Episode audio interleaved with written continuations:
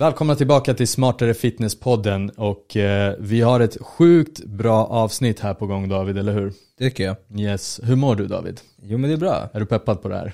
Eh, ja men det här är faktiskt kul. Kul nörderi. Ja men precis. Så låt oss bara snabbt gå in. Vi har en gäst med oss idag och vi ska, han är, man kan säga att han är expert, vi kommer gå in lite mer på vad han är expert på. Men idag kommer vi fråga ut honom om det här coola ordet circadian rhythm, eller som man kanske på ren svenska kallar för dygnsrytm. Och eh, ja men det här med, är man kvällsmänniska, morgonmänniska, hur påverkar de här grejerna och liksom när man exponeras för ljus, när man, eh, alltså när man vaknar, när man går och lägger sig, hur det påverkar träningen och så vidare. Och han är då som jag säger expert. Han är eh, biträdande lektor på Karolinska institutet och har liksom då en doktorsexamen i det här fältet. Paul Petrus heter han. Välkommen till studion, Smartare Fitness-studion. Tack så mycket. Mycket kul att vara här. Ja. Nice, grymt. Vi hittade ju dig genom min, eh, vår gemensamma vän. Eh, så det är skitkul att kunna knyta an sådana här roliga ämnen. Vi har ju haft typ sju poddavsnitt innan vi startade in den här podden eh, under våran lilla prep-talk. Pep. Mm. Eh, men det här, det, här, är skitkul. Det här är jätte så här, intressant för jag, jag har själv liksom haft mycket nu med jetlags fram och tillbaka till USA och jag har känt så här, men fan det här med dygns, våran klocka, interna klocka, hur exakt är den? Och det, det, det, det, jag har mycket funderingar och jag tror att vi kommer vara tvungna att ha honom fler gånger för andra saker också men Låt oss jump into it. Ja men verkligen, men innan vi gör det, kan du bara berätta lite kort om dig? Vad, vad är det, du forskar och du har en PhD eller doktorsexamen. Berätta lite om din, eh, ditt område. Exakt, hur långt bak vill ni att jag ska? Ja, så långt du vill, det som är relevant. Nej men jag blev intresserad av forskning under min nutritionsutbildning. Eh, där jag blev väldigt nyfiken på hur kosten och miljön generellt påverkar vår biologi och våra gener, vilka gener som uttrycks och så vidare. Så jag bestämde mig för att forska inom det och började min forskningskarriär med att titta på fettceller och fettvävnaden och hur eh, näringsämnen kommunicerar med vårt DNA i fettvävnaden. Och eh, på så sätt kom jag in på det här med, jag insåg att här, de här processerna är väldigt dynamiska och kom in på Circadian Rhythms, eh, hittade en grupp i USA som Eh, var världsledande inom den här forskningen. Så jag gjorde en så kallad postdoc efter man har disputerat och, eh, så, och fått en PhD så kan man göra en postdoc. Så jag åkte dit och eh, fortsatte forska inom det och tog hem den här expertisen till Sverige och nu har jag startat upp en grupp i Karolinska som ska titta på hur eh, cirkadisk rymd, vår interna klocka, är kopplad till metabolism och också mental hälsa som depression. Det är så sjukt intressant för det, är liksom, det här är lite, det börjar bli lite buzzword det här circadian rhythm eller cirkadisk rytm eller dygnsrytm. Men kan vi, alltså finns det någon definition? Vad är det? Kan ja. du ta det då? Så eh, cirkadisk rytm är, eh, circadian rhythm kommer från latin eh, latinet cirka diem. Så cirka betyder ungefär och diem är dygn. Så det är biologiska rytmer som är ungefär 24 timmar mellan eh, varje peak då. Som sömn, vi sover en gång på dygnet sover vi. Exakt, exakt. Var 24 timme. Hoppas på det. ja exakt, de flesta i alla fall. Så det, det, är en definition. En annan definition, en annan, ett annat kriterium som krävs för att det ska kallas för circadian rhythms är att det behöver vara autonomt. Så de här rytmerna ska kunna fortgå utan att behöva få någon slags stimulans eller någonting som sätter igång dem. Så om vi tar eh, någon av er och lägger er i ett mörkt rum eller en grotta så kommer ni fortsätta ha en eh, kroppstemperatur som är rytmisk ni kommer bli hungriga ungefär samma tid på dygnet och sova var 24 timme. Och den sista, det sista kriteriet som krävs är att de här rytmerna behöver kunna synkroniseras. Faktorer i miljön, någonting som vi kallar inom fältet för Zeitgebers. Det kommer från tyskan som betyder tidsgivare. Så de, de behöver kunna synkroniseras. Och det är väl det vi ska prata om, hur, hur man ska synkronisera de här rytmerna. Eh, jag ville bara liksom, eh, kanske förtydliga lite grann när du sa det här autonoma. De behöver, lite, de behöver inte en eh, stimulans utifrån för att liksom kickas igång.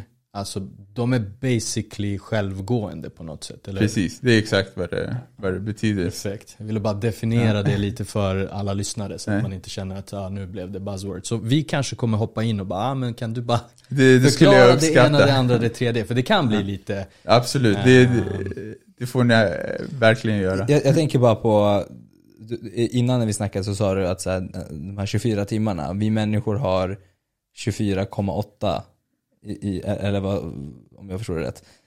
Um, då tänker jag bara, har vi liksom, är det någon slags marginal eller är det egentligen så ett dygn egentligen är? Eller är, eller är klockan, alltså vad baseras ett, dygn på? Så de här 24,8 timmarna, att vår inre, sen är det inte för, den är inte exakt samma för varje individ, så varje individ, vissa individer har en kortare rytm, andra har längre, men eh, om man tittar på en population så är det längre. De, de, de här 24,8 timmarna, de kommer från tidiga studier i fältet där man stoppade in människor i en grotta och så satte man på konstant ljus 50, 1500 lux till och sen så övergick man till 500 lux, det är ljusintensiteten.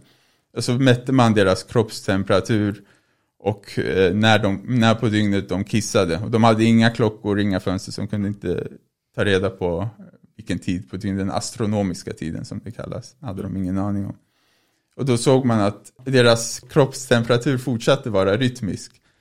Eh, men den här rytmen var lite längre, den försköts varje dygn eh, med eh, ja, några minuter.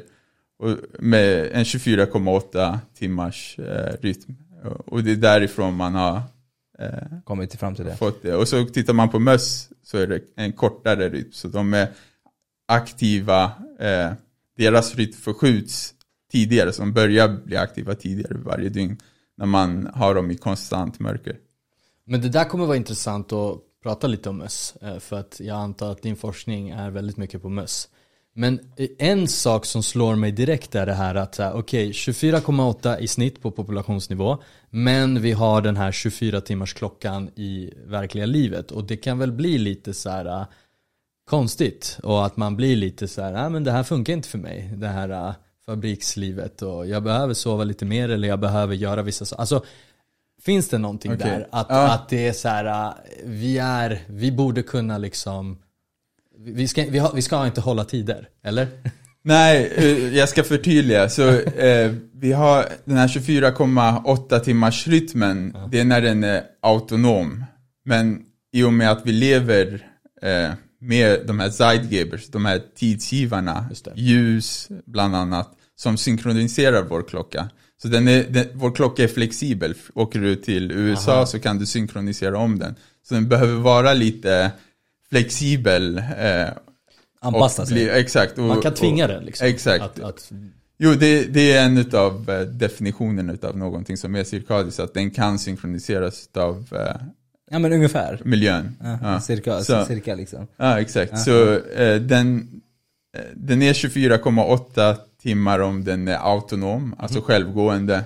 Men varje morgon så synkroniserar vi våra klockor och då har vi en rytm som är närmare 24 timmar. Men däremot så finns det kronotyper. Vissa människor, vissa individer är morgonmänniskor, andra är kvällsmänniskor. Eh, och där kan det vara en skillnad. Det finns en genetisk komponent som styr det. Och vissa av de här genetiska varianterna har man kopplat till den här molekylära klockan som finns i vår kropp. Ja men det där är intressant det här med eh, morgonmänniska, kvällsmänniska. Det är många som kallar sig för det ena och det andra. Men hur vet man egentligen om man är det förutom hur man kanske lever? För jag tänker, man eh, kan man anpassa sig? går det att ändra liksom? Eller, eller hur, vet- alltså så här, ett, hur vet man vad man egentligen är? Och finns det någon mellanting? Finns det liksom morgon och kvällsmänniska? Alltså när jag tänker på det så tänker jag att ah, men det är min vän som är uppe väldigt sent. Fram kanske ett, två. Och sen så tänker jag morgonmänniska, då är den här i- jäveln som är uppe fem på morgonen. Eh, liksom. Men finns det någon mellanting? Ja, men jag är en eh, liksom Normal. normal, människa. Jo, exakt. Jo, men exakt. Det finns eh, ett mellanting och i studier har man eh, gjort exakt de tre kategoriseringarna som Okej, ja. du nämner. Morgonmänniskor, intermediate, alltså någon mellanting och sen sena. Och hur vet man om om man är en morgonmänniska? Ett sätt att, eh, eller ett tecken är väl om när helgen kommer, eh, när, när den här sociala eh, pressen på när du ska vakna och gå och lägga dig med jobb och så vidare inte finns. Hur sover du då? Eh, Finns, det, finns ju, det är ju ändå svårt eftersom det finns ju sociala faktorer på helgen också som styr ens eh, dygnsrytm om man gillar att gå ut. Men om man fick välja? Ja, exakt. Eh, är man en person som vill sova ut och vakna sent, då är man förmodligen en kvällsmänniska. Om man vaknar och är pigg eh, på morgonen, då är man förmodligen en morgonmänniska. Okej, ja men då är jag, eh, är jag intermediate då om jag vaknar runt sju? Sex, sju, eller är jag morgon? Nej, jag skulle nog lägga dig som morgon. Aha, ja, för jag är väldigt pigg på morgonen också, Ja. jag är väldigt aktiv direkt. Ja. Alltså jag, jag, har ingen, jag, jag är ingen sån här som du vet, går runt och behöver vakna eh, Nej. ett, tag, utan jag vaknar, jag är uppe på tuppen. Ja. Alltså, Nej, men då jag skulle nog kategorisera det som men en inte ex, är det extrem morgonmänniska? För jag tänker det finns de här jävlarna som vaknar fyra, fem. Exakt, de är nog extrema. Ja, okej. ja. Jag har, alltså jag kan vakna tidigt på morgonen men sen kan jag bli, jag, jag kan vara seg om jag ska koncentrera mig. Och då tänker jag jobb. Du är trög på morgonen? Jag är trög, jag är jättetrög på morgonen och sen så typ så här nu, den här tiden vi spelar in runt 17, då börjar typ jag känna att så här, nu kan jag komma in i flow i saker som tar mycket tankekraft. Och så här deep work och sånt där, det brukar jag ha lätt för typ på kvällen. Uh, och det kan, alltså kolla, det kanske, jag vet inte, du får rätta mig om jag har fel här, men det kan vara så att jag är så genetiskt. Eller kan det också vara så att så här, okej, folk loggar ut från sina jobb och stör mig inte och då kan jag fokusera. Exakt, det, så kan det ju vara. Men, eh, så den här molekylära klockan som vi har i vår kropp eh, styr sömn bland annat. Men den styr väldigt många andra processer i, i kroppen. Så den finns, den här klockan finns ju kodad i vårt DNA.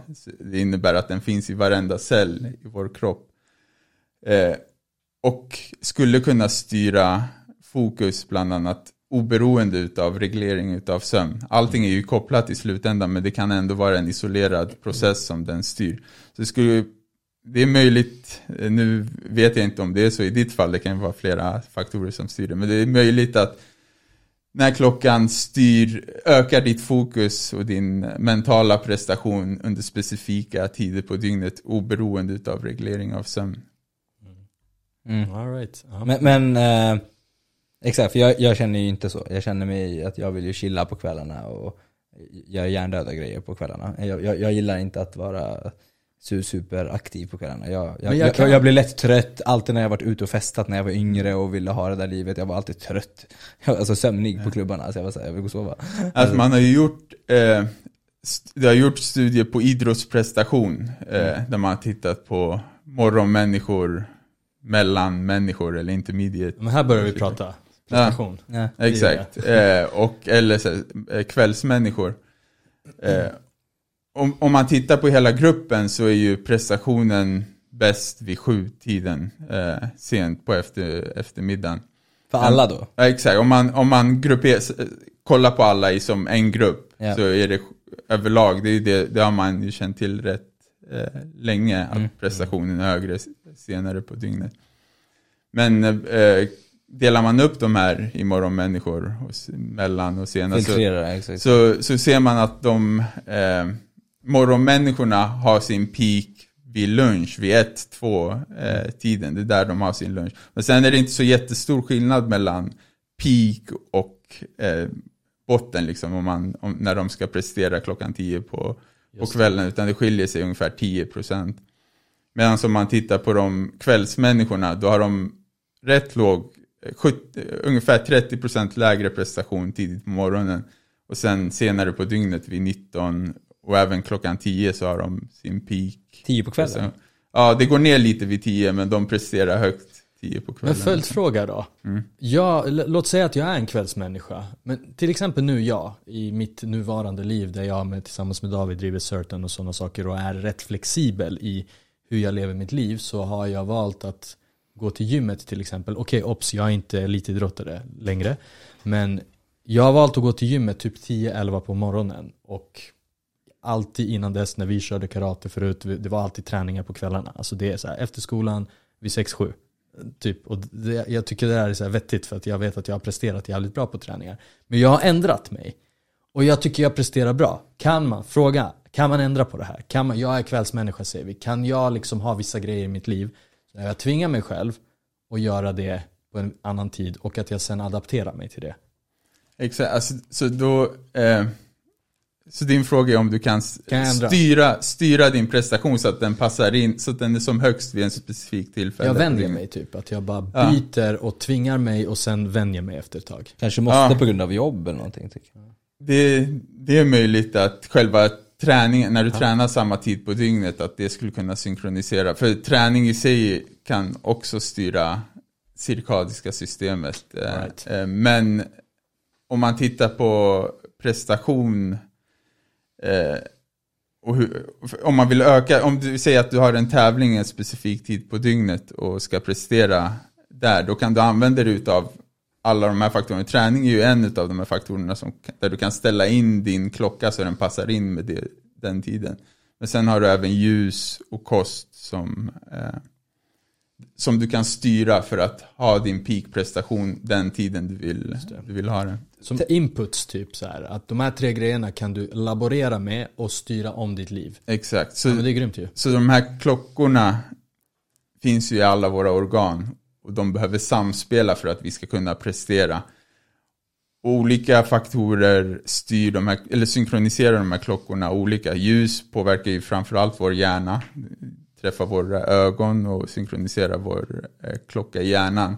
Och kost synkroniserar framförallt levern men även andra klockor i våra organ. Så då kan du använda dig av dem för att ställa in din klocka för att ha eh, din peakprestation vid ett specifikt tillfälle. Alltså menar du då helt enkelt att, låt säga att du vet att en tävling är, eh, amen, eh, låt säga att du ska köra eh, maxlift i knäböj och, och, och, och tävlingen startar klockan ett, du ska upp klockan eh, halv två. Då kan man, eller så här, då tänker jag mig, då kan det vara klokt att man försöker träna halv två. Exakt. Hela tiden, eller runt den tiden för att vänja kroppen till att där ska vi Exakt, och sen, men äh, sen kan om, det här kan man ju, det kanske man inte behöver göra som eh, om man är motionär, men om man vill eh, kanske vara konsekvent. leverera, om man vill leverera en tävling, eh, under en tävling när man vill prestera, alltså när det handlar om Ja. tävling så kanske, då är sk- de här få procenten, alltså 10-15 procent kan avgöra om man vinner eller förlorar. Då, Alltså det låter inte som lite 10 Nej, det är ändå låter rätt mycket ändå. Det är Alltså, grovt, jag, ja, jag ja. tänker på som motionär kanske det inte Nej, spelar men jag så stor tror roll. väl, det är väl ändå rätt mycket. Alltså 10-15%, jag tror du Ja. skulle snacka Jo, om nej. typ såhär, alltså jag tänker såhär, det är ändå såhär, Jo, nej det är, det är rätt mycket. det, det, det är rätt stor, Det- eh, Exakt. alltså vi, vi försöker ju ta, alltså kreatin som är det bästa Ja. kosttillskottet där ute är ju såhär, knappt det. nej, exakt. Så, Ja, I det, det- stora hela är det jack shit. ja, ja. Men det du kan göra då är att eh, vakna tidigare under flera dagar Ja. eh, innan din tävling, utsätta dig själv för ljus tidigt och äta frukost vid, vid den tiden. Och på så sätt kan du ställa in din klocka så att den, eh, den börjar ticka tidigare. Och eh, så att klockan 11 eller klockan 1 där tävlingen ska ske är, är enligt din klocka lite senare på dygnet än vad det egentligen är. Jag, jag tänker så här, låt oss gå in lite mer på vad som påverkar mm. dygnsrytmen med kost och så. Så kan vi knyta an det sen till träning och prestation. För jag, för jag tänker att, eh, jag tror att vi behöver alla, jag tror att vi internt har lite koll på eh, allt vi har babblat om innan. Så, så för, för, för det är en grej jag tycker är jätteintressant, för att eh, de flesta, alltså när man bara gör studier på prestation så verkar det vara på eftermiddagen i alla fall. Och kväll, eller hur? Så, som är högst. Men samtidigt så finns det den här eh, kostdelen som verkar, alltså kroppen verkar hantera energi bättre ä- ändå tidigare. Hur kommer det sig då att man presterar bättre? Det känns som att vi borde slappna av mer. Magen töms. Ja, jag tror vi, då måste vi nog bli lite nördiga om det. Vi, okej? kan, vi, kan, vi kan göra det, jag tycker Ja. det är jättenice. Ja. För det här var som en lång intro i att du ändå nämnde de här tre grejerna som Mm. man kan laborera med. Men är det en vettig ordning att köra, börja snacka kost lite grann då? Ja, jag tror vi kan eh, eh, kanske prata om vad den här klockan är. Nu ser jag klockor bara, men det är kanske svårt att föreställa sig vad en klocka i vår kropp, hur den ser ut. Ja men kör, kör, kör så. Det blir så, på DNA-nivå liksom. Ja, det Kör. blir, men jag ska försöka, ni får stoppa mig om det blir för eh, detaljerat. Ja, ja men det är lugnt, det är Det är lugnt. bra, kör på. Så eh, de flesta vet vad en DNA-sträng är, det är vår arvsmassa. Och i den arvsmassan, i vårt DNA, finns den här klockan kodad. Det är en del utav koden som vi har i oss. Så vi, eh, evolutionen eh, har eh, gett oss det här verktyget för att kunna leva ett liv som är anpassat till jordens rotation kring sin egen axel. Så eh, hur fungerar, det är det här det centrala dogmat inom eh, molekylär biologi, eh, DNA.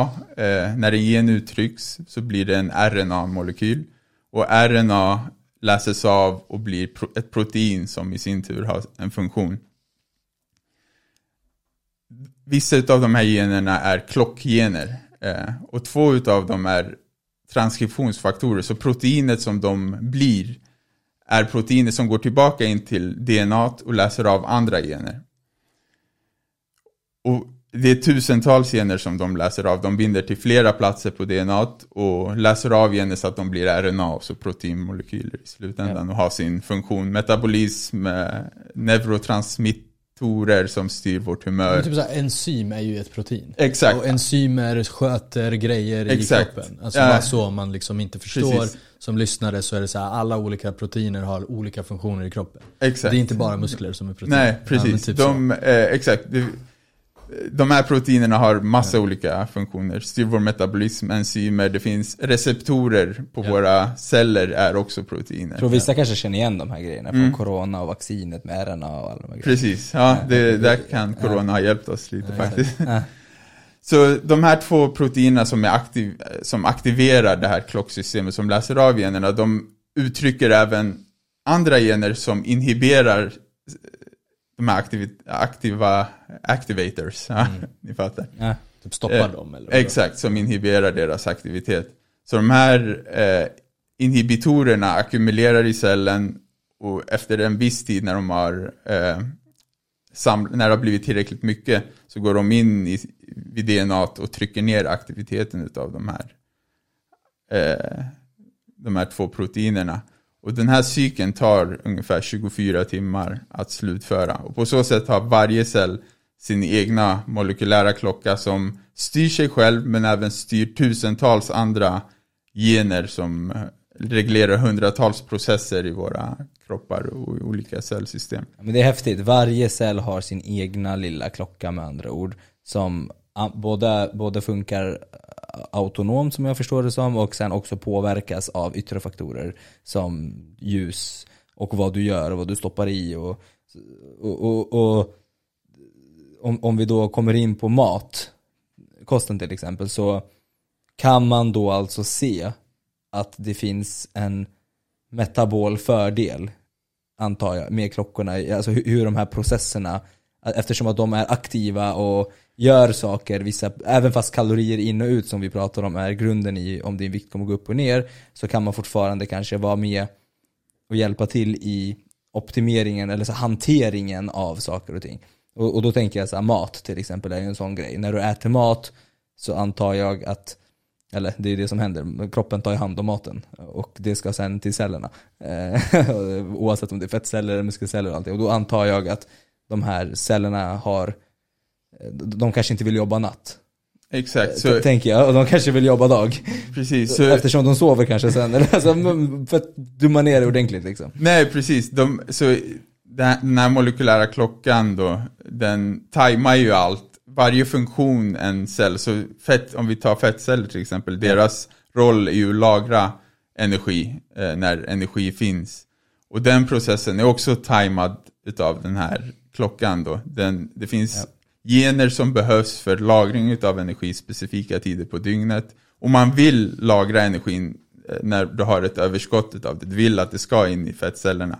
För annars hamnar det någon annanstans och kan skada organ. Så man, eh, och det kan leda till sjukdom då. Så man vill att energin ska in i fettcellerna. Men sen när energin inte finns, då vill man att den ska ut. Och då är det andra processer som också styrs av den här molekylära klockan som man vill ska ut ur eh, fettcellerna. Ja, ja.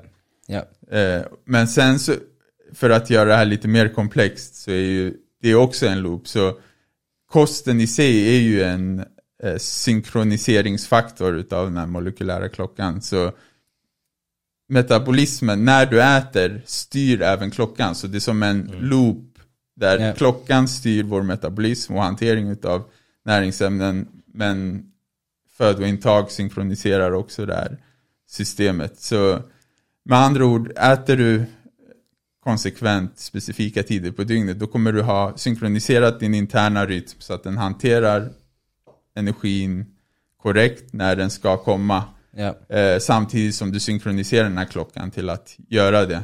Börjar du, till exempel om du reser mycket fram och tillbaka Ja. till USA eller om du jobbar skift och rubbar det här systemet så kan det leda till sjukdom på grund av att du inte hanterar, det är ju en eh, stressor, det är en s- stressfaktor att få in så mycket energi i, i kroppen när du äter och det behöver ju eh, hanteras. rubbat och, och, exakt, så om du, om du rubbar det här fram och tillbaka och byter tidpunkten när du äter så kommer din kropp inte kunna hantera den här energin när den kommer in på ett effektivt sätt. Och det kan leda till sjukdomar som diabetes.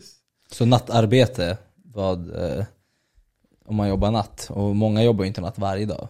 Nej, precis. Det är väl Skiftarbete kanske framförallt, Exakt, där man skift. skiftar hela precis tiden. som du har eh, en vecka dag och en vecka kväll. Det är det som det är är kaos.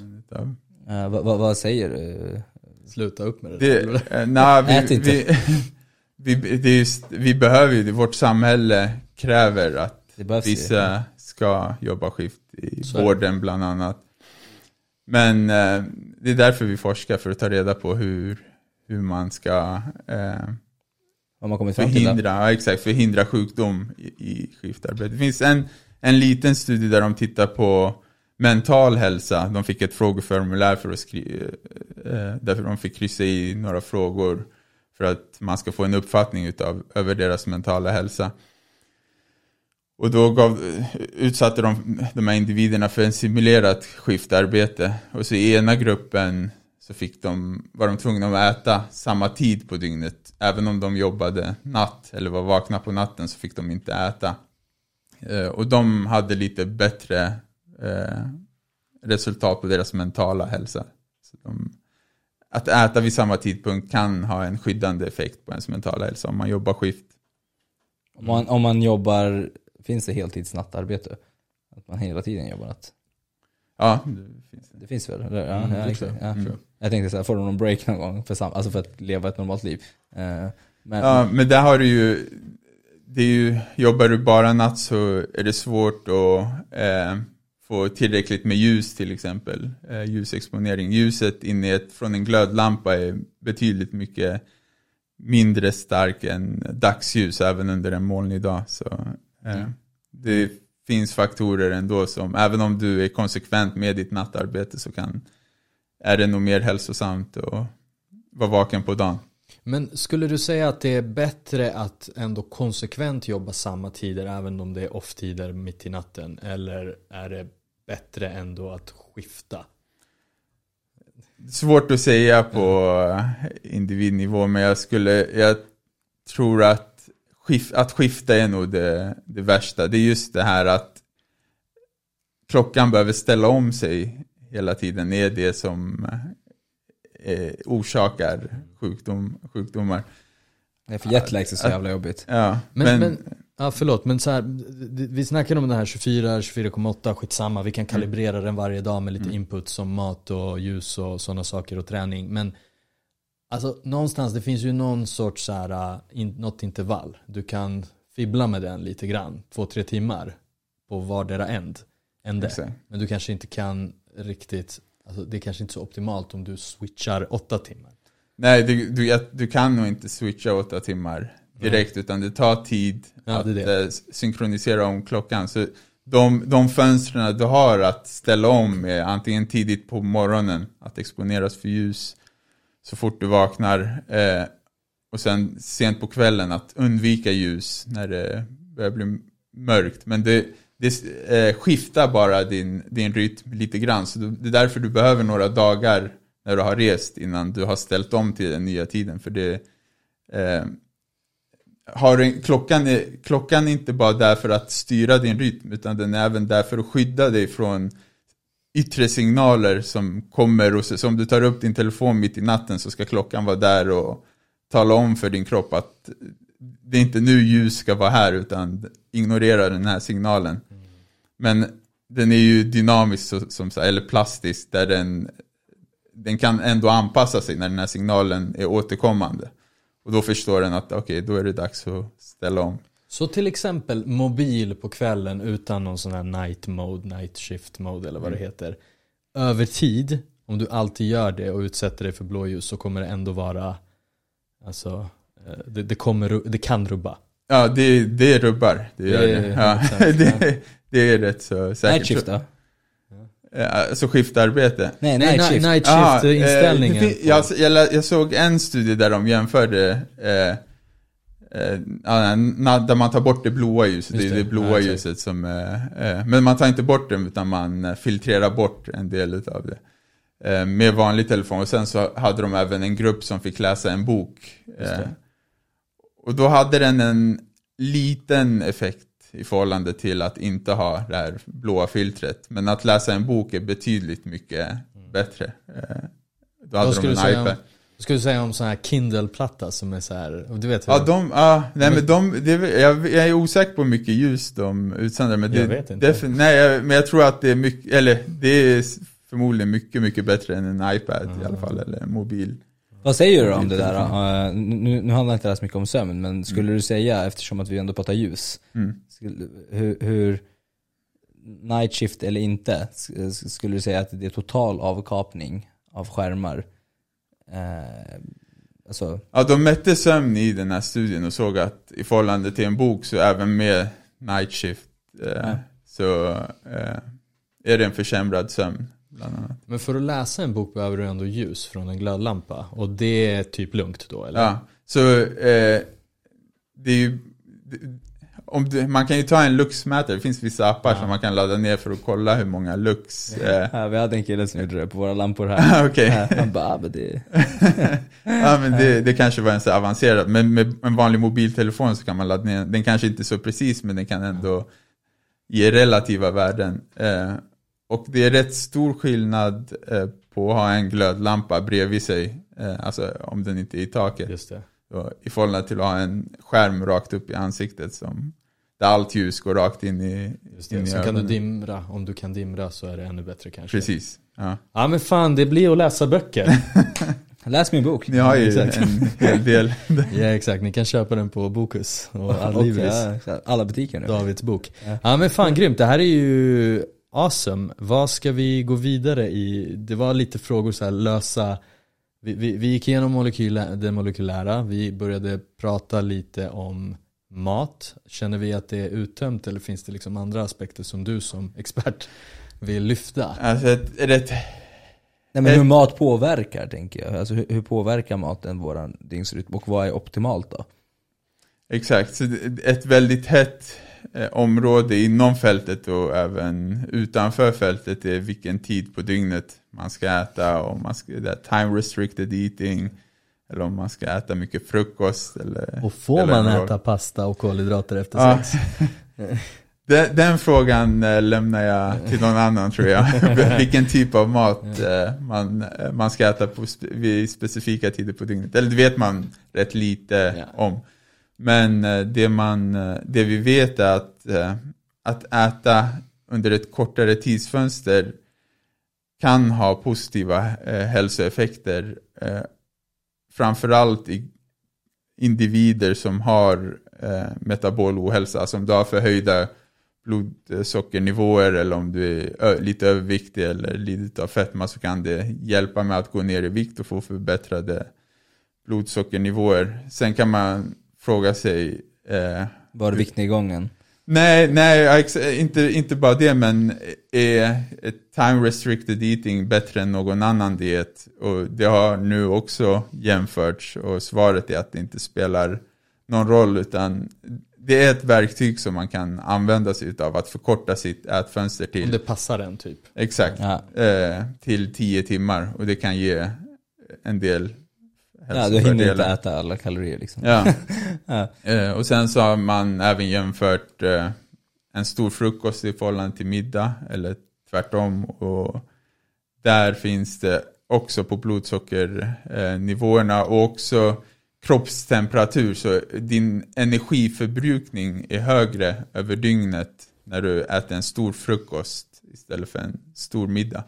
Yeah. Jag, jag tänker det där, jag hade så här, nu när vi snackade innan och, och, och chitchattade lite grann och förberedde oss så, så nämnde jag lite så här att anekdotiskt så har jag sett både på mig själv och mina kollegor, de äter en mikroskopisk lunch. Jag vet inte om det är någon så här social pressure, att de- det måste vara en sallad eller något sånt där. Men där de helt dör ut sen på vid fyra tiden. Och jag tänker så här, alltså de har ingen energi kvar.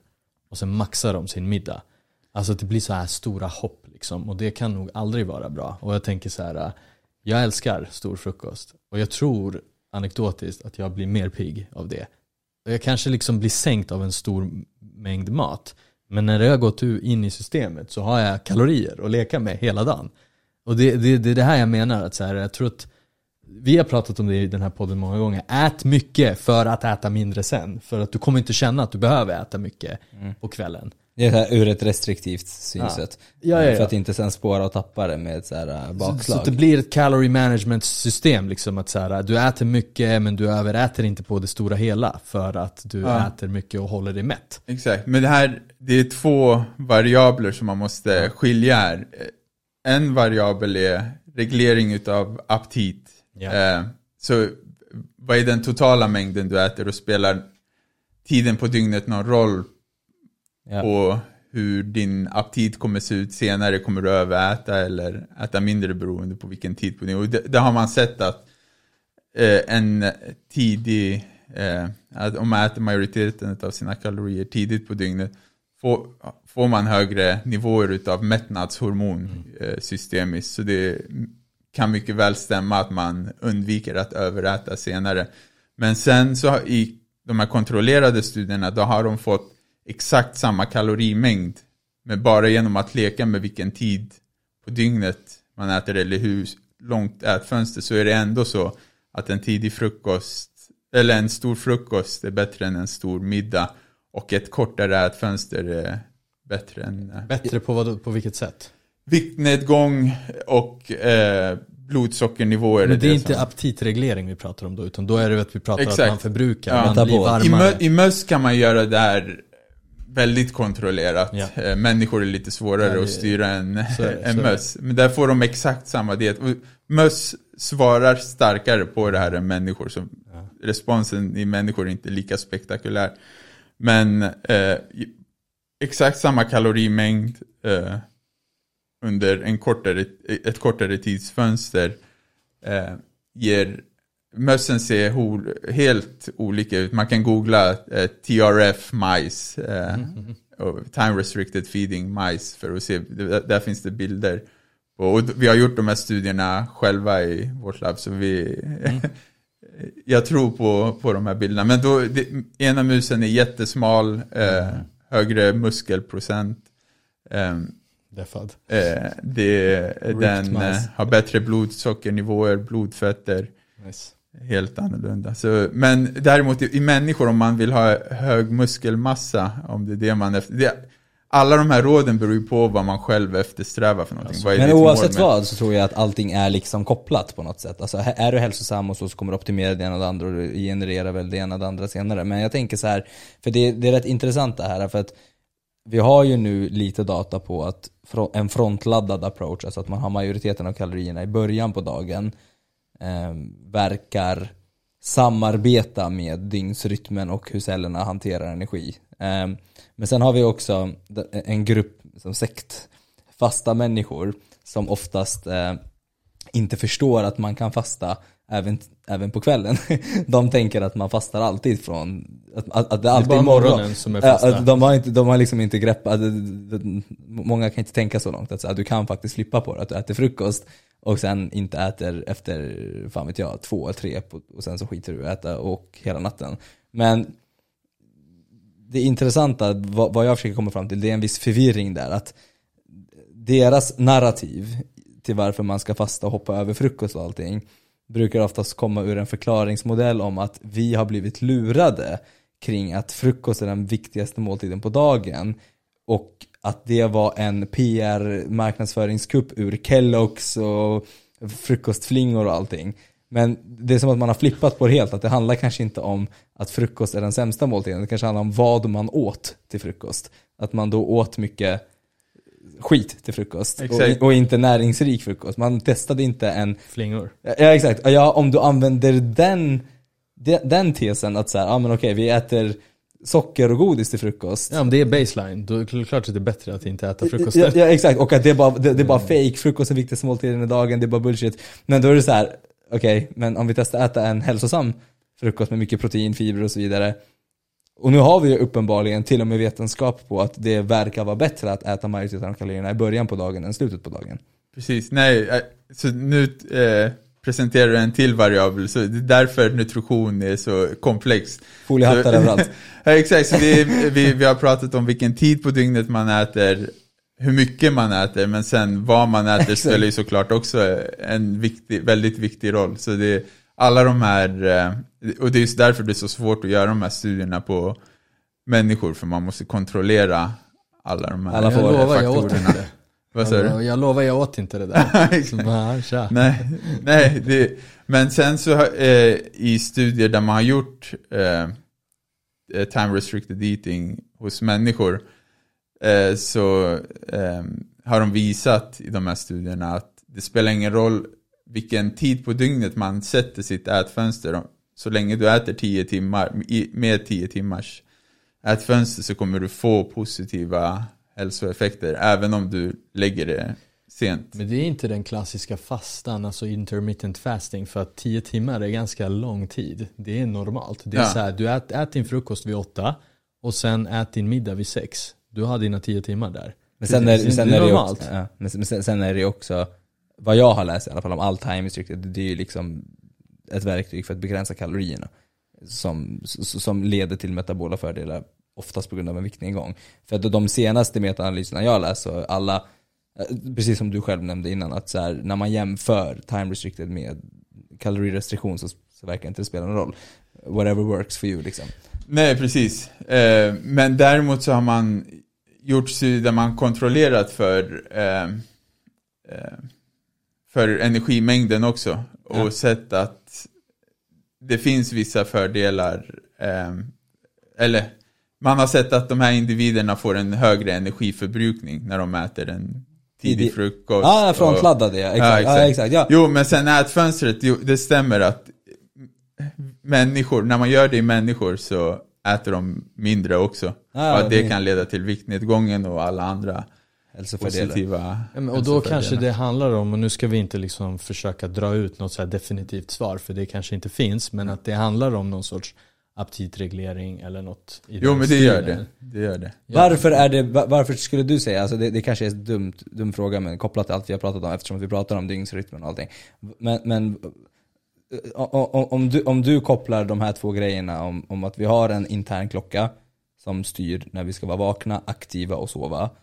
Och sen har vi den här frontladdade approachen med mycket kalorier i början på dagen. Uppenbarligen när man ska vara vaken och göra saker. Kom, det, kommer kanske inte som en chock att det var positivare. Nej, eh, jag blir inte chockerad i alla fall. att- Nej, jag, tän- jag tänker att det, det är liksom vetenskapen Men- verkar ändå alltid säga, ja men it makes sense. Exakt, Men jag tror att det, det har varit mycket fokus på hur mycket och vilka, vilken sorts mat vi stoppar i oss. Det har varit den här debatten om fett eller kolhydrater, vilket är värst. och exakt, exakt. Så det har väl tagit mycket fokus, men nu börjar tid på dygnet också spela då kanske folk eh, Ja. får upp ögonen för att det också är en faktor som spelar roll. Vad skulle du säga är, eh, vad skulle du säga är Kopplingen där. kopplingen mellan att det är Så- positivt? Exakt, så dels att ha en klocka som fungerar kräver en eh, dygn, alltså att kosten kommer in vid specifika eh, tidpunkter. Så vi har pratat om hur DNA blir RNA och sen protein. Mm. Men det som styr hur mycket RNA det ska bildas från DNA är någonting som kallas för epigenetik. Mm. Det betyder på generna. Och det är direkt kopplat till vår ämnesomsättning, till vår metabolism. Det finns delar i de här metabola vägarna som kan kopplas direkt på DNA och styra hur mycket en gen ska uttryckas. Och klockan är, eh, alltså en av de här klockproteinerna är ett enzym som kan ta de här näringsämnena och sätta fast dem på DNA. Så att ha substratet, man kan se det som en eh, skribent som inte har bläck. Du behöver bläcket för att kunna skriva din eh, artikel. Just det, just det, Eh, just det, just det. Finns inte bläcket där så kommer du inte kunna skriva det. Så att när klockan är aktiv under det, det, den tidpunkten så behöver den kosten som är då bläcket för att kunna skriva sin kod och uttrycka de här generna som behövs i sin tur för att hantera eh, Dygnsrytmen. dygnsrytmen men även processerna i kroppen som är kopplade till eh, att födan kommer in under det tillfället. Så säg att du har eh, eller du har ju gener som eh, reglerar fettnedbrytningen i fettcellerna. Eh, och det, sker, det styrs av klockan. Och har du då, eh, är du på fastande mage men inte har en fungerande klocka, då kommer förmodligen dina fettceller inte utsöndra tillräckligt med fett. Och sen har du kroppstemperatur som styr energiutsöndringen. Så de eh, hjälper som lite grann varandra. Kosten hjälper Klockan. klockan och klockan, eller hela metabolismen, hanterar också det bättre. Exakt, man kan, se, man kan se det som en loop där metabolism, näringsom, äh, ämnesomsättningen styr klockan och sen så styr klockan enzym, alltså proteiner som styr ämnesomsättningen. Och på så sätt har du en, en till loop där eh, som Mm. eh, reglerar vår dygnsrytm och gör så att vår fysiologi, vår kropp är eh, synkroniserad med dygn, dygnet, den ja. astronomiska Det är tiden. sjuka grejer. Jag tänker på en grej nu bara. Och det är så här, okej men nu får man inte äta efter klockan sex.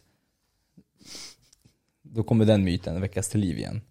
Att, för, för det som kommer hända nu är ju att nu har, nu har man ju gett den myten liv igen. Och då kommer de ju koppla det till att kolla. Studi- studier. studi- studierna säger det här, men studien sa inte efter sex. Studien sa kanske inte heller att du inte får äta. Studien kanske bara Nej. sa att majoriteten av kalorierna ska komma i början på dagen. Nej exakt, jag ska, jag, det är bra att du lyfter det för jag äter jag, jag, vill inte ge, jag vill inte ge några, eh, jag är inte här för att ge några eh, personliga råd utan var och en får kolla med sin läkare om man har några hälsoproblem eller om man har någon eh, PT eller om man vill höja sin prestation. Så all, det, väl, även när du gör en studie så har du en spridning. Eh, vi är väldigt olika. Eh, alla människor svarar olika så man får testa det som passar en själv. Eh, men just det här, det jag kan ju säga är vad forskningen visar och där finns det evidens för att ät, äter man under ett kortare tidsfönster, 10 timmar, kan ha positiva hälsoeffekter. Men är det samma sak? För jag tror vi kanske pratar om olika saker. Jag tänker det där kortare ätfönstret kan ju vara kopplat till en kalorirestriktion, Mm. det kan ju vara kopplat till saker, men jag tänker mer på totala energiintagets fördelning över dagen. Exakt. Jag tänker, jag tänker om vi skiter i tidsrestriktionen Ja, helt, om vi bara pratar om så här får du mat, Exakt. fördela det så att du äter mest på dagen, minst på kvällen. Exakt. Men, men jag, jag, jag, jag kan, utöver det vi pratar om så kan jag tänka mig att folk kommer då tänka, men då kanske det är bra att man inte äter efter klockan sex. Som inte, som inte är tidsrestriktionsaspekten i det hela. Ja, utan, Exakt, jag tror att det, eh, folk, de flesta kommer få väldigt positiva effekter på att inte äta efter klockan sex eller efter klockan sju eller åtta. Men ja, så länge det inte är eh, inom tre timmar efter, innan man går och lägger sig. Man- Och det är då... det är kanske det som är grejen. Och det, det, du- finns det forskning för som Ja. visar också, det- som, vi kan ju länka den studien, där de har visat att kroppstemperaturen stiger så man har en högre energiutsöndring över dygnet och även eh, mättnadshormon som styr vår aptit är högre eh, i individer som äter en stor frukost i förhållande till de som äter stor middag. Men okej, så och då, och då om jag bara får liksom gå in lite grann och, och så här försöka bryta ner det här i mitt huvud. Eh, jag har kanske då låt säga att jag vill äta på 12 timmar. Finns det, alltså såhär, okej 10 timmar är någon sorts såhär, okej det borde, du håll dig inom 10 timmar. Låt säga att forskningen har kommit fram till det. Om jag går, går mot 12, 13, 14 timmar, stretchar den där, fortfarande samma kalorier. Vad är det negativa? Vad är det som är liksom, alltså är det att jag väcker kroppen, alltså förstår du? Är det att den påverkar Så den här klockan? Det, det är en ganska kul eh, samma kalorier, att- samma kalorier. Jo, exakt. alltså. Med, med, med tanke på att man, när man jämför så finns det inga fördelar för kalorirestriktion. Nej, alltså om man tittar på eh, ätfönstret hos eh, en vanlig människa så brukar den vara ungefär 14 timmar. Ja. Eh, anledningen till att man att det har blivit 10 timmar är för att de här studierna gjordes på möss först. Och de som gjorde studien eh, måste ju vara där för att ta bort och lägga till maten. De ville inte vänta 12 timmar så de gjorde det under 10 timmar istället. Så där, därför har det Därav. blivit Ja. 10 timmar. Men eh, förlänger du det till 12 timmar så kommer du ändå om det är några hälsofördelar för dig som individ så kommer du förmodligen kunna se dem Mm. i 12 timmar också. Men det, om du vill ha snabbare resultat så är Ja. 10 timmar. Men okej, det handlar om att ät på dagen. Basically, Exakt. eller hur? Det är Ät en inte innan du ska simpel- lä- lägga dig. Alltså, Exakt. du ska inte maxa din måltid. Men återigen, nu vi är så här lite nördar och så här och har protein och sånt där, kasein på kvällen. Alltså, så här, det är inte så att jag kommer fucka om jag bara tar något protein eller kvarg eller någonting precis innan jag lägger mig. Eller finns det na- nackdelar att magen börjar jobba eller något sånt där? Men Det kanske inte är kolhydrater och tunga måltider, ne- stora nedbrytningsgrejer som är det bästa innan man sover. Och det kan jag väl också känna, du vill kanske inte gå och lägga dig proppmätt. Men, men om du tar någon kanske lätt proteinkälla innan du går och lägger dig. Eh, som är liksom den sista 5-10 procenten av din totala kost. Då har du ju ändå haft den här frontladdade approachen. Så jag antar att man, man gör det för att hämma muskelnedbrytningen. Ja, och det är också lite så här. äh, om du har fått i dig protein fem gånger innan, då kanske den sjätte gången inte spelar så stor roll egentligen. Men jag bara, om vi leker med tanken att det finns eventuellt en positiv sida av att få i sig protein sjätte, sjunde, åttonde gången. Men Eller femte. i- Eller femte, men att det inte finns någon, vad är det jag, Alltså, vad är kostnaden? Vad är ja, liksom, alltså det, eh, det, som sagt, allt beror på vad man vill ha för outcome utav Ja, ja. Sin, sin intervention. Så man har ju sett att om man äter under ett kortare tidsfönster så tappar man även muskelmassa. Alltså det går ner i vikt och muskelmassan Så är det. eh, Det blir gånger noll. Och du kan hämma den här, eh, att, muskel, att du förlorar muskelmassa genom att, genom att träna. Eh, Så är det. så, eh, Ja, ja. Men, som, som man kan ju, alltså om eh, ni, eh, ni ska ju göra det här då, Time, vad, vad är bäst för er som tränare och hälsosamma? Det kanske är en stor frukost eh, och sen är det okej att ta en proteinshake eh, senare på kvällen. Och äta lunch, middag. Då. Ja. Alltså jag menar bara, min fråga var lite såhär, vad, alltså finns det någonting man, alltså finns det hypoteser om att man liksom fuckar någonting om man äter för nära in på sänggående? Jo, Alltså mer så. Exakt. Ja, nej, man har ju sett det. Nu, nu vet jag inte om en proteinshake skulle göra Ja. någon så stor skillnad. Men man vet ju att en, eh, om man äter för mycket tätt in på att man går och lägger sig så kommer det rubba ens sömn. Ja, det, de det, det, det, det var det som var min logik Ja. i det hela. Att så här, ät inte en fet måltid innan du går och lägger Exakt. dig. Utan ät majoriteten av kalorierna i början på dagen, så kan du trappa ner det. Så att i Ja. botten av pyramiden, mot slutet kan du äta någonting lite lätt. Eller, eh, eller om du ska äta en, lite, en, alltså en normal stor måltid, att du kanske äter den fem timmar innan du går och lägger dig. Så att det har hunnit smälta och hunnit processas och bearbetats. För samtidigt, om man tänker efter, låt säga nu att prestationspiken är 6-7 på kvällen och du tränar till 8-9 och sen så kanske du vill ha en bra måltid efter din träning för att återuppfylla glykogendepåer och proteinsyntesen och allting.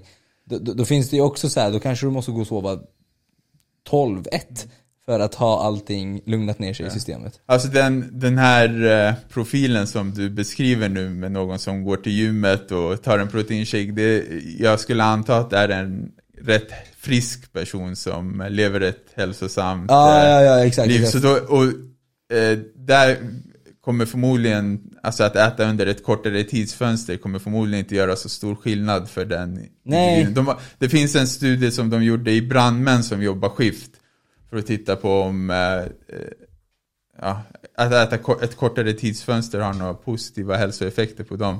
Och de som var friska, och brandmän är ju oftast eh, vältränade och, och där var det rätt små effekter. Men tittar man på en subgrupp som hade förhöjda blodsockernivåer, det här långtidsblodsocker, HbA1c, eh, då kunde man säga att det sänkte deras lite grann. Eh, så jag tror, är man frisk och tränar och lever ett hälsosamt liv så eh, behöver man förmodligen inte lägga till att äta ett kortare tidsfönster. Utan det är om man vill, om man lider av fetma eller om man är övervikt och vill Ja, om det, om det finns anledningar. Mm. Ja för jag Ja, tänker din insulinkänslighet är Exakt. jättehög när du Det är tränar ett, hårt. ett, ett till verktyg, om man har provat eh, alla andra de här dieterna, va, ketogendiet och eh, 5-2 och allt sånt där. Det här är ett till verktyg som man kan testa och se om det funkar för en för att gå Om det råkar passa ens egna. Ja, alltså, Precis.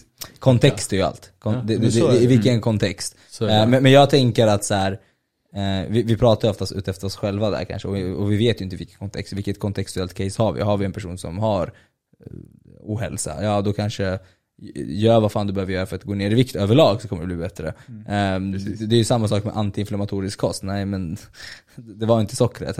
Du kan ge den här personen, den här överviktiga eller fetma-personen socker och gå ner i vikt så kommer inflammationsmarkörerna bli bättre ändå.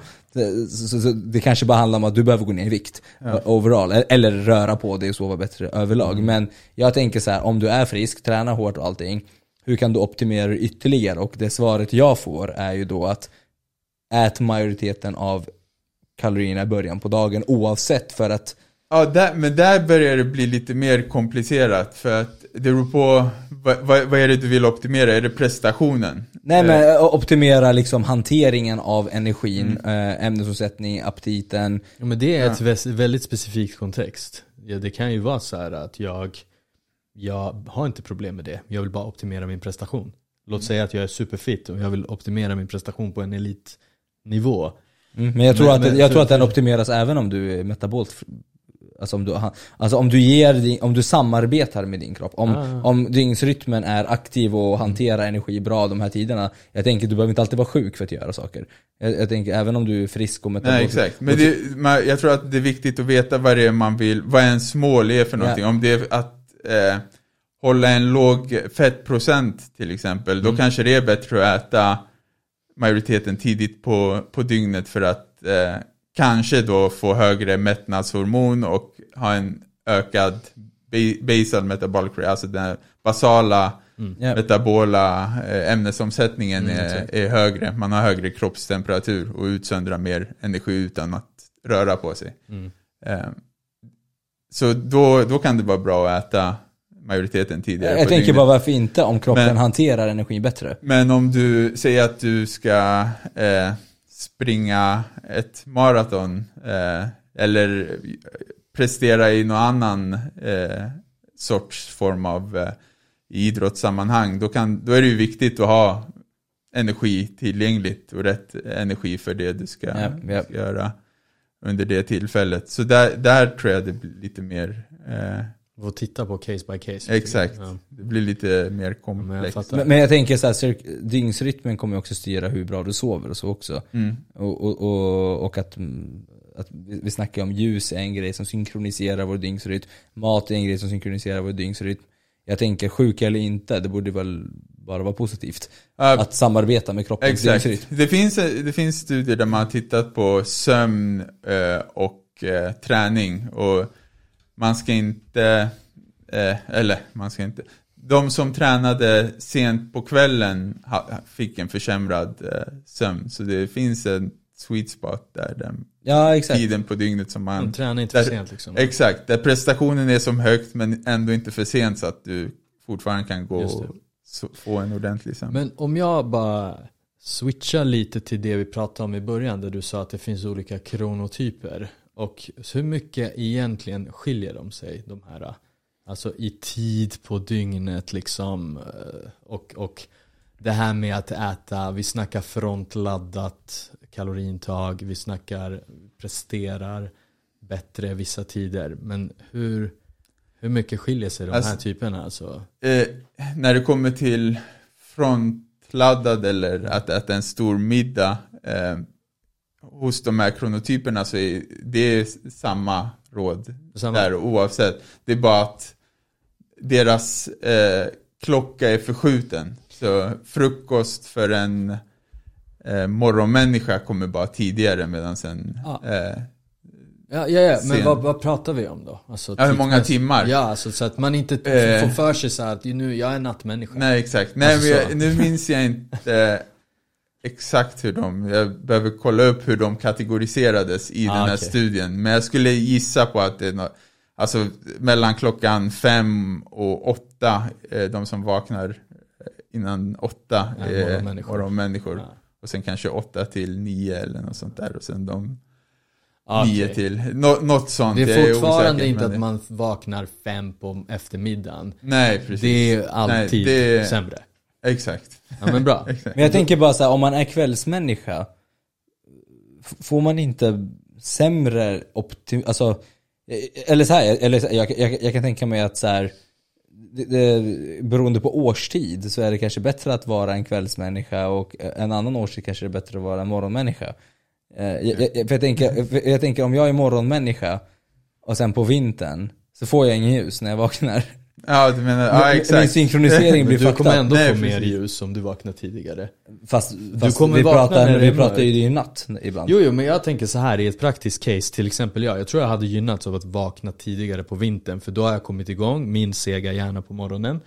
Säg från sju, det är fortfarande Men det var ju det jag mörkt, sa. åtta. Nio är det ljust, ja då går jag ut. Ja men det var ju det jag sa. Så för mig, Ja. så, som morgonmänniska som behöver synkronisera min sömn och min dygnsrytm av att jag behöver ju ljus när jag vaknar och inte Aha, får det, du, ja. och inte får det, då, då kanske jag behöver ta till med luxlampor. Exakt, precis. Nej men de, det är ju en eh, behandling som används för de som eh, har en säsongsdepression eller eh, Ja, ja, ja, ja, ja. eh, att man eh, när man vaknar då, får, i studier har de två timmar, men det kan, kortare tid kanske också hjälper, att man har, får ljusterapi eh, när man vaknar upp. Det borde väl vara bättre för en morgonmänniska att få exponeras för ljus på vintern, snabbt Exakt. som fan. Precis. Medan för en kvällsmänniska, Ja, Så- där får du ju ljuset, eller det är ljus när du går ut menar du? ja, Att du när, när, typ han ändå Ja, precis. synkroniserar sin tid. Ja, ja, det kanske är därför du inte blir så påverkad av... Tagit min 3D espresso, då går jag ut och bara ah, fan det är bra. Ja, du, du håller på att vakna fortfarande. Livet leker. Ja men så kan det vara, ja ja, det är spekulationer såklart. Men, men jag, jag minns att nu den här vintern, du var såhär, ah, men jag blir inte så påverkad av mörkret.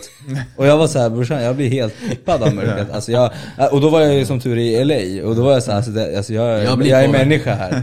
Jag blir påverkad dock, men inte kanske så mycket. Ja men det är klart du blir påverkad, det blir, det, det, det blir mörkt klockan två igen.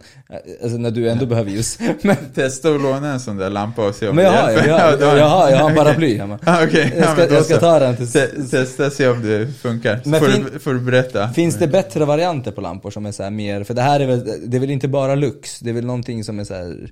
Ja, vilken typ av ljus, men det är ju blått ljus eh, du vill ha och det finns det ju. i- ja, Alltså vitt ljus är ju blandat, olika våglängder. Det är ju ett fält som Men så här, naturligt, so, naturligt eh, Ja, alltså, solljus. Solljus är ju vitt ljus. Det är ehm, med o- blått ljus och alla Varför andra funkar det inte lika bra då? Alltså jag tänker så här. Det, det är hur starkt det är som du mäter. Vi kan göra det efter avsnittet kanske. Jag har en app i telefonen där vi jämför eh, den lampan med, och nu är det molnigt ute och bara gå ut. Du, du får väldigt mycket mer lux, alltså mer ljus. Ah. Hur mycket Eh, lux behöver jag? Jag ska köpa den här luxen.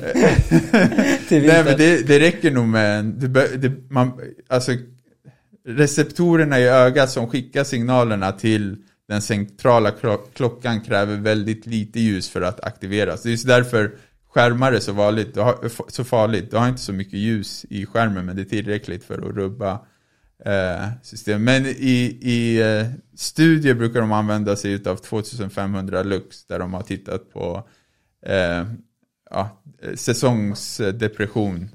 Som och, och, och hur länge behöver man exponeras för det här ljuset de, på de har gjort det i två timmar på morgonen, men Ah, förmodligen, ja det hinner man ju förmodligen inte med, men man kan ju testa en halvtimme och se om, Ja. det hjälper. Man får sä- sätta på eh, lampor installerat i hemmet. Men bara. ärligt talat, de där lamporna, jag har alltid velat ha en sån, men jag, alltså sån här, jag tror att Som väcker dig. eh, om det är Philips som har börjat med de Mm. där, som, som liksom väckar klocka och den liksom simulerar en soluppgång. Det, jag tror att det är bullshit alltså. Jag tror också Nej, att det, det- kanske det är så här mer kul, men jag tror att det är så här ljuset, det finns ett ljus ändå Det- där. Nej nej, det, det, är säkert, är- det är säkert bra ur ett Ja. ljusperspektiv Ja, för att vakna. Det köper jag, det är inte bullshit. Men, men om vi nu pratar kontexten, luxen ute och våra strålkastare och två inte. timmar så kommer den där kanske bara hjälpa dig att vakna bättre. det men den kommer, den kommer nog inte sätta igång ordentlig dygnsrytm på dig tror jag inte. Nej, det, jag, jag, För då hade vi velat det, men- installera lampor i hela är nog, sovrummet. eh, jag, har ingen eh, conflict of interest här, men jag skulle nog också, eh, nu vaknar jag av mig själv eh,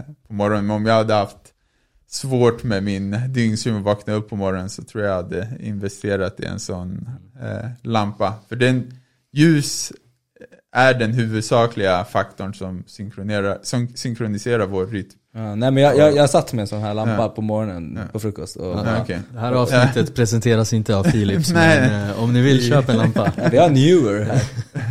Vilken lampa som helst fungerar så länge det är tillräckligt Ja, men jag starkt tycker att det ljus. ska vara liksom, du vet det här kopplat till tiden och bara, Nej, precis. Ja. Jag tycker det där är det- klockrent paketerat ändå. Den att de är så här, de, men är, du, de brukar vara rätt eh, dyra så man... eh, man kan inte- bygga en man, egen. Exakt, du kan ta en sån här eh, lampa, alltså en stark LED-lampa och tända den på morgonen. Ja, Ja, du måste eller ha en timer på. Exakt, det är det jag försöker säga till dig. Ja, timer. Ja, du kan köpa en timer på Clas Ohlson. Det är bra. Men om, om, om, om vi nu... Ja men nej, nu blir det sömn här. det, det tar, jag, jag, jag tänkte så här. eh, drugs.